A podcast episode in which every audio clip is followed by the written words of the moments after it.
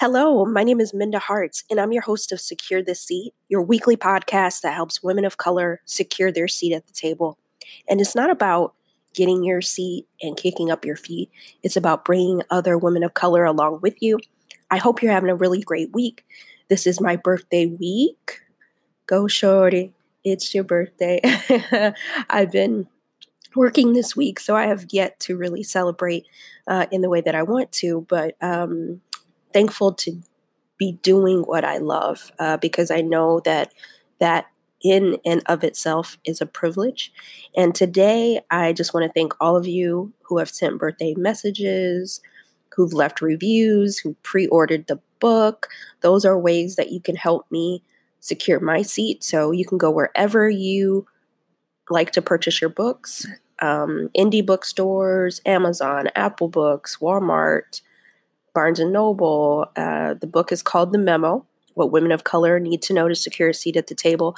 And I'm just really excited and thankful and praying and hoping that this book blesses you. And even if you're not a woman of color and you listen to Secure the Seat, maybe you're a man or um, non person of color, this book is for you too because it talks about some of my experiences of being a woman of color in the workplace and also um, a few other women that I've met along the way. And so it sometimes can be barriers to entry. And my thing really right now is if you're not moving us up, we're moving on.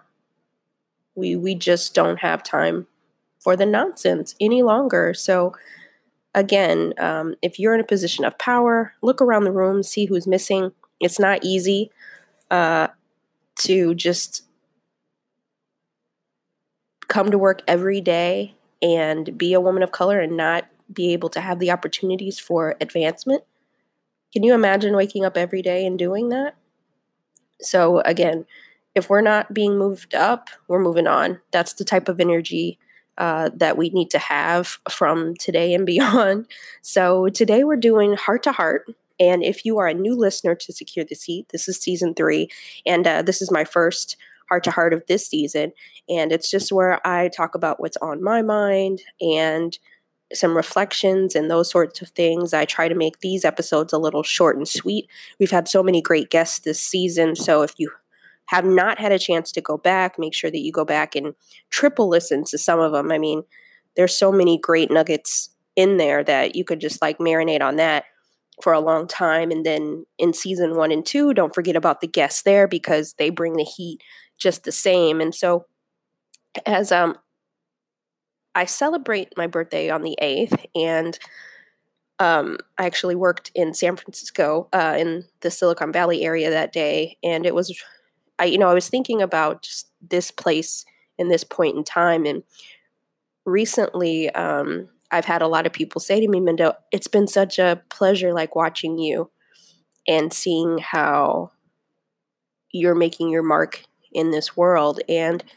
I'm humbled and honored when people say those things to me. Um, but but ultimately, you know, I've been working in this space, uh, the advocacy for women of color, since 2015. But prior to that, um, I had a quote unquote successful career before doing this work. And uh, it's just you learn so much more about yourself when you're an entrepreneur. Um, I guess in some way, shape, or form, I've always been a hustler.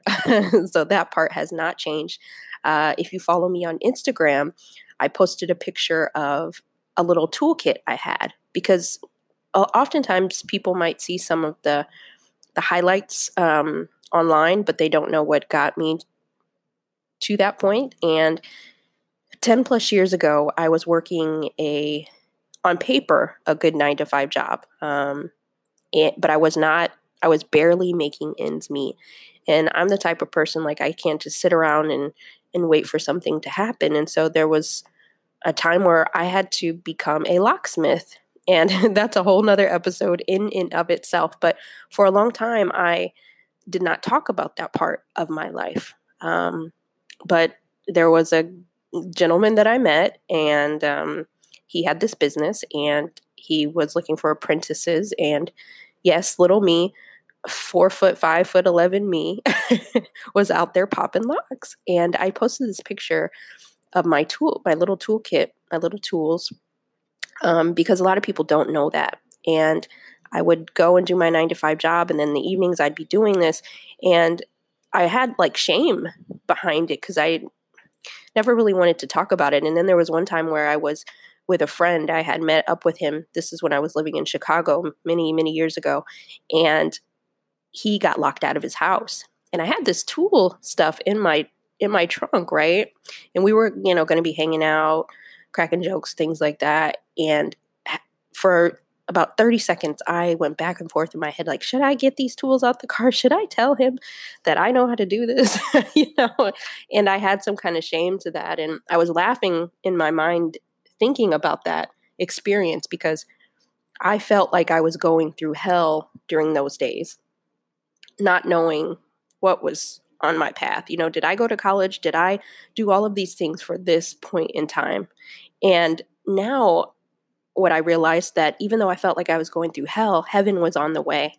Like I still had to keep pushing through even some of those hard, those difficult seasons in my life. And I did, like a good friend, go back to my car, get the tools, and undo his lock. And his mouth, I mean, I wish that I had like a time machine where I could have just like snapped a photo of his face when he saw me do that, and uh, it was it was fun. Um, it was just unexpected, I think, for him, and uh, probably for myself too. And I just look at some of the things, and maybe there's things in your life that you have not told anyone, or there's shame related to that, or you're like, you might be in that space now where I'm like, where you're like, whoa, you know, how did I get here? Why am I here? You know, and um, just know that heaven is on the way, and whatever that means to you. But don't stop. Don't stop believing. Don't put your dreams on hold. Like I still had my dreams that I was doing, but there were points in time where I had to supplement them. And you know, I'm a lover of grits and rap lyrics. If you listen to this podcast um, any amount of time, and when I was thinking about the those moments, I thought about this one lyric, and it says, "No more hiding scars. I show them like Seal. I show them like Seal, right?" And I'm getting a little emotional because my co-founder Lauren, I saw her this week, and she said, Did you, when you thought about your life, when you thought about the path, did you think you'd be here in this time right now? And um, the answer is no. In 2012, I wanted, I knew that I wanted to do something impactful, but I had no idea what that would look like. And I didn't put any action to it until 2015. And even then, I still didn't know.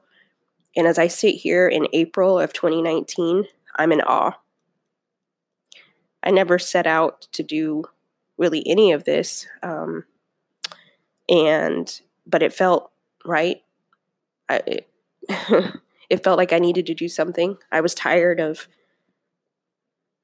seeing the inequalities, eh, being part of, um, on the receiving side of the inequalities. And I just um, did not want to leave this earth not doing something.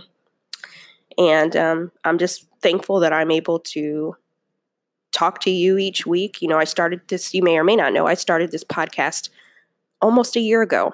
I think next week would be a year. And so I had no idea. I didn't even know if anyone would listen to this. Um, but I just want to encourage you to keep going uh, because a couple of things. So I have to, because I, my voice kind of shook in that moment, I, I have to go back and read that lyric to you.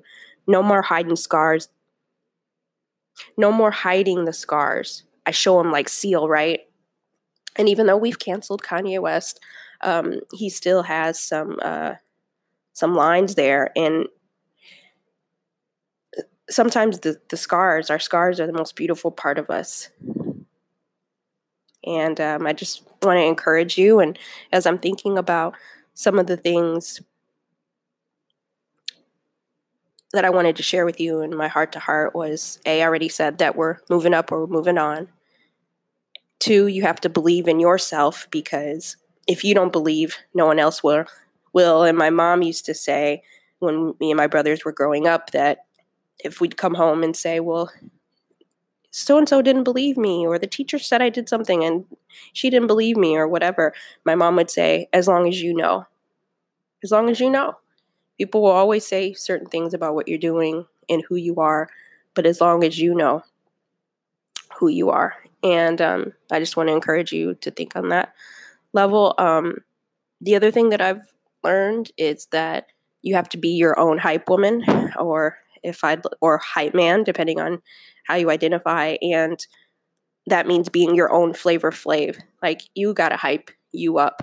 Some days you're not gonna have people around you who are gonna be like rooting or for you necessarily in that room. There's moments where we're alone sometimes and and it goes back to believing in yourself, but you have to be your own hype person. You know, if there's things you want to do, invest in those skills.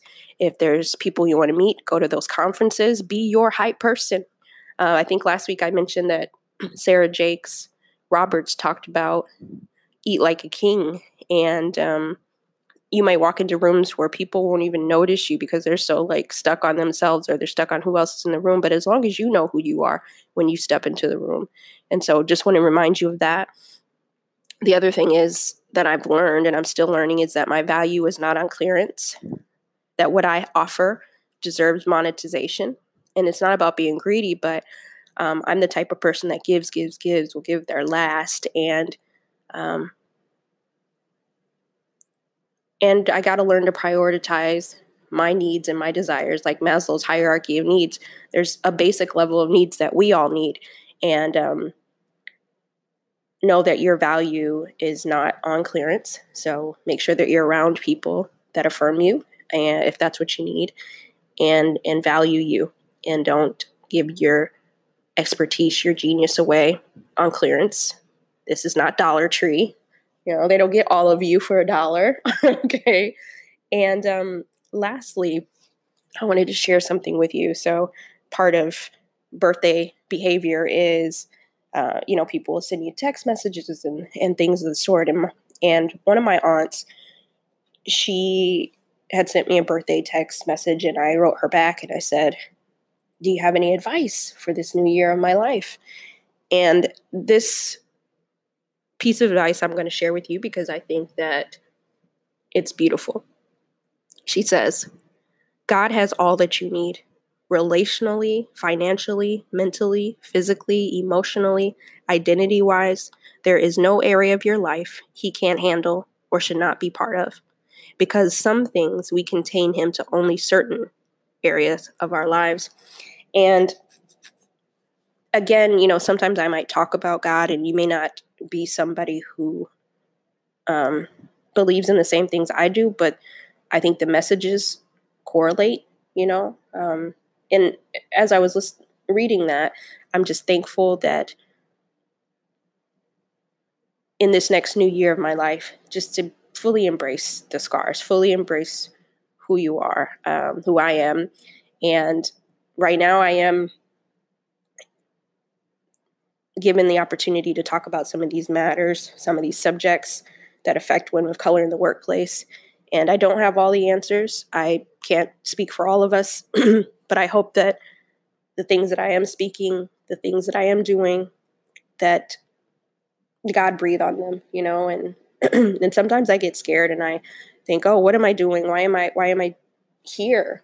You know, what is my why? I, I I'm should not be the one doing this, right? And and we get in our mind, but it goes back to believing in yourself. And I just want to thank each and every one of you for believing in me because I wouldn't have the memo.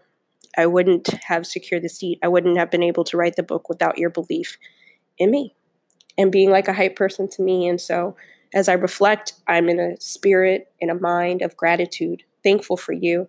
And I hope that wherever you are in your journey right now that you don't stop believing. And so I've given you um, just my heart to heart today. And even in some of my mistakes in this episode, I'm not going to go back and, and edit them because I just want to give you the unadulterated, unfiltered, 100% Minda Harts today. And if you haven't had a chance, please go and leave a rating or review wherever you like to leave ratings or reviews. Most of you leave them on Apple Podcast, and I do appreciate that. And so find me online. I am most active on Twitter at Minda Harts, and you can go to mindaharts.com and find out all things. Uh, some of you um, like to know where I'm hanging out or doing certain things. And so coming up uh, some of the things I'm doing in in the public uh, is the Hue Summit. So check them out. That's coming up um, the first weekend of May. Um, so I just want you to, if you are in the Philadelphia area, come through. It's a really great opportunity to connect and build and secure your seat. You never know who's in some of these rooms. Uh, I know oftentimes on online I'll see people like, oh, these women empowerment conferences and this, that, and the other. And hey, we still have to build our network. And sometimes these are the ways that you do it. And so I hope that if there's something that you want to go to this year, that you'll prioritize to be able to do that.